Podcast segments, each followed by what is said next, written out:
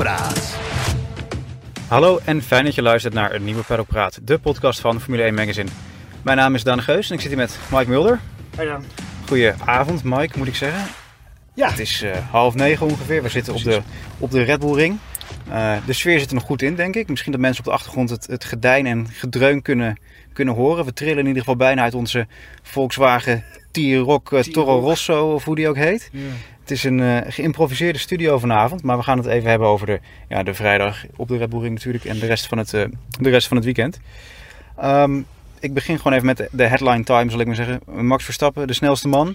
Eh, vorig jaar zou je dan zeggen de Speed King, want het is een sprintkwalificatieweekend. Ja. En nu telt hij officieel als pole volgens mij ook. ja, klopt. Dat is sinds dit jaar veranderd inderdaad. Ja, en dan begint dus morgen de, ja, de, de, de sprintwedstrijd ook vanaf de eerste plek. Ja. Verrassend dat hij het snelst was.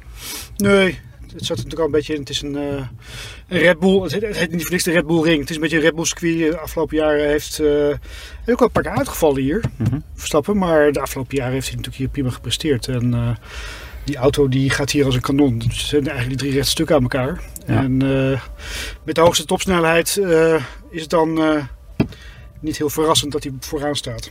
Ja, hij zei zelf wel, we hebben eigenlijk in de kwalificatie meestal niet de beste auto. Meestal Nee. is in de race sterker, dus dan is het extra hoopgevend eigenlijk. Hè? Ja, zeker. zeker. Charles Leclerc en Carlos Sainz staan tweede en derde. Op fractie, hè? Ja. Het is, het is, het is Maar echt kort, honderdste. kort, kort honderdste van baantje. Kort baantje, dat moet gezegd worden inderdaad. Maar het zijn honderdste van seconden die, eh, het verschil. En je zou inderdaad verwachten, want de Ferrari is in de kwalificatie trim toch wel meestal sneller dan die Red Bull. Maar dit is inderdaad hoopgevend. Als je nu al in de kwalificatie dus inderdaad voor die eh, Ferrari staat, dan eh, is dat hoopgevend voor eh, de 34 punten die je kunt pakken dit weekend. En dus verder kunt uitbouwen. Ja, precies. Nou, daar is hij de laatste tijd natuurlijk goed mee bezig. Ehm, in Q3 van de kwalificatie had natuurlijk ook de crash van, eh, van Lewis Hamilton. Die ja, met gejuich werd ontvangen door toch wel een deel van het Oranje. Ja, jij, jij zit al te fronsen, Mike. Ja, het gebeurde ook pal voor. Dat is dan ook net. Het gebeurde pal voor die, die tribune die we kennen. Met, het, met, hè, met die enorme Ja. oranje- zee. waar die rookpotten gebeuren. Alles is hier een Oranje Tribune. dat hè? is waar, maar dit, dit zit dicht op. Hè, dicht op het circuit. En, en daar zit volgens mij de, wat je dan noemt de fanatieke aanhang. Mhm. En die begon te joelen en te juichen. En dat is eigenlijk natuurlijk. Ja, ik snap het wel. Eh, vorige week op Silverstone werd er ook wel wat gejuicht toen Verstappen terugviel.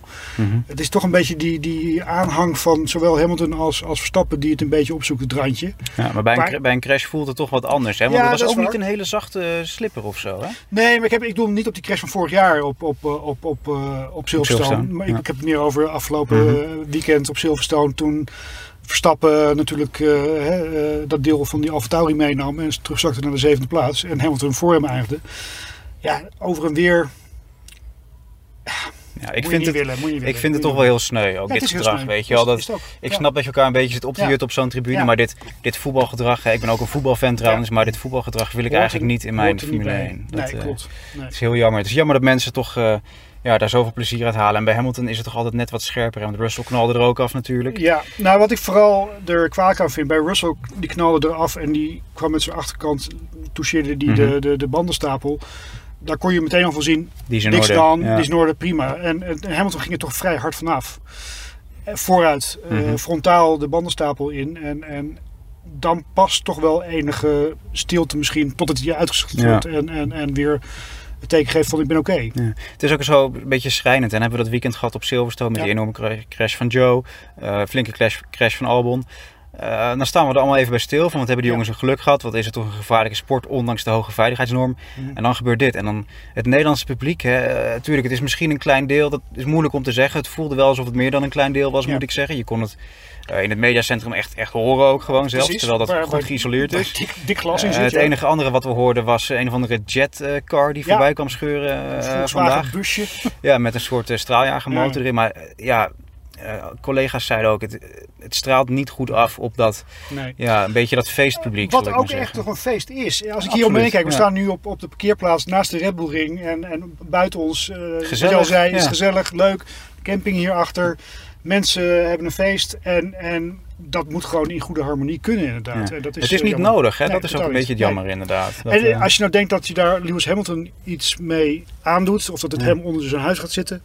Nee, ja, nee, ik zag hem net nog lopen en uh, gewoon dezelfde, dezelfde blik en Precies. attitude als altijd. Dus Ja. wat dat betreft niet. uh, het, zal hem, dus, het zal hem zelfs denk ik meer harder in, Ja, zijn, in ja. zijn gevecht terug. Ja, dat vond ik mooi. Want vorig jaar was er ook een race, ik weet niet meer welke dat was. Misschien dat het wel Nederland of Nederland of een andere race met veel Verstappen-fans was, dat hij echt uitgejoeld werd. Ja, En dat hij ook een beetje lachend zei van jongens, daar word ik alleen maar eh, sterker van. ja Dat, nou, eh, ja.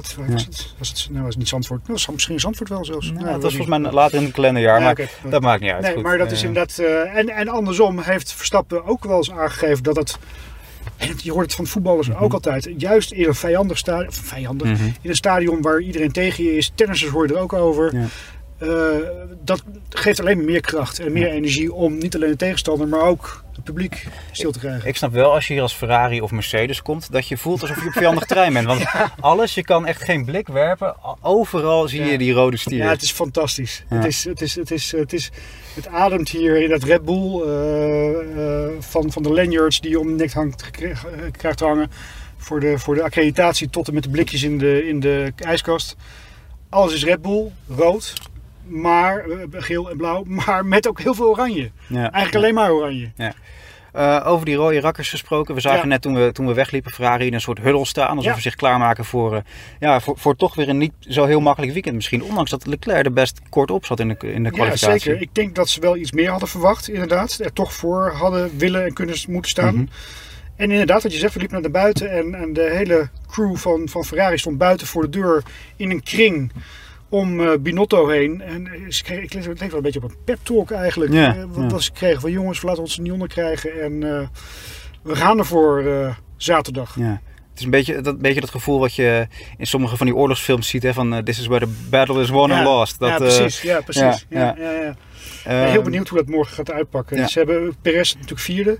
Dus het is weer twee Ferraris en twee Red Bulls tegen elkaar. Maar het is die Eh, racetrim hè, waarin Red Bull zo sterk is natuurlijk. Dat, eh, Ja. ja. Goed, dan hebben we het heel veel over de auto's gehad en de actie op de baan. Eh daarbuiten gebeurde ook nog het een en ander. Er was een meeting van de F1 Commission vanochtend. Eh, even kort samengevat, er komt extra ruimte in de budgetcap voor inflatie. Eh, ik denk aan de ene kant zal niemand daarop tegen zijn die de sport volgt. Aan de andere kant, als je het hebt over teams met budgetten van 100 miljoen euro. eh, ja, hè, er zijn genoeg mensen die moeten besparen in het huishoudboekje. Dan moet zo'n team het ook kunnen misschien. Maar... Nou ja, dat is wat de kleine teams natuurlijk zeggen. Van ja, jongens, Ja. als je, als je eh, je budget niet eh, rondkrijgt, dan moet je maar gewoon minder nieuwe, Minder onder- updates, nieuwe ja. onderdelen ontwikkelen. Of dan moet je maar minder tijd doorbrengen in de windtunnel. Ja, wat minder kostbaar is. Of minder crashen inderdaad, zoals vandaag. eh, want het, het, het Een dure dag voor Mercedes. Ja, het Ja. bordetje bij Mercedes zal wel oplopen inderdaad. Ja. Maar dat is, ja, ik, ik, ik moet zeggen, ik vind eigenlijk van tevoren bepaal je met z'n allen dat dit, de- dit de regels zijn. Mhm. En dan zijn er een paar teams, en dat zijn natuurlijk de grote jongens, Mhm. die veel inkomsten hebben, veel publiciteit hebben. En dan heb ik niet alleen over Red Bull, maar ook over Ferrari, Mercedes. Eh, Die jongens hebben gewoon, ja, die lopen tegen een grens aan. Ik snap ook wel, want die komen van 300, 400 miljoen en die moeten terug naar dat, dat veel lagere budget. Dus die hebben al heel veel moeten inleveren. Mhm. Maar het is wel waar ze mee akkoord zijn gegaan. Ja. En ja, we hebben te maken met de eh, grondstoffen. eh, het reizen is misschien duurder geworden. Alles is lastiger dit jaar vanwege corona, vanwege een oorlog in Oekraïne, enzovoort, enzovoort, enzovoort. Maar ja, het is de nering naast de tering zetten, zei mijn opa altijd al.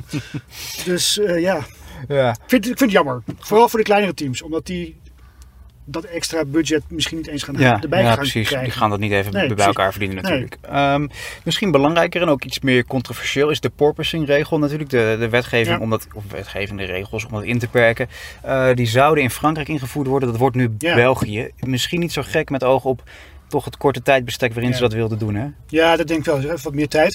Eh, vergeet niet wel, in augustus gaan de fabrieken natuurlijk wel dicht. Ja. Dus er mag niet veel gebeuren in die periode. Maar ze, ge- ze krijgen een paar weken extra om het aan te passen. En dat is denk ik wel een goede, goede ontwikkeling. Omdat het, daar, daar gaat het gewoon om veiligheid. Weet Ja. je? En, en dus dat vind ik op zich niet zo heel eh rampzalig. Ik denk dat het wel een goede beslissing is inderdaad. Om dat niet eh à la minuut eh, geregeld te krijgen van die teams. Ja.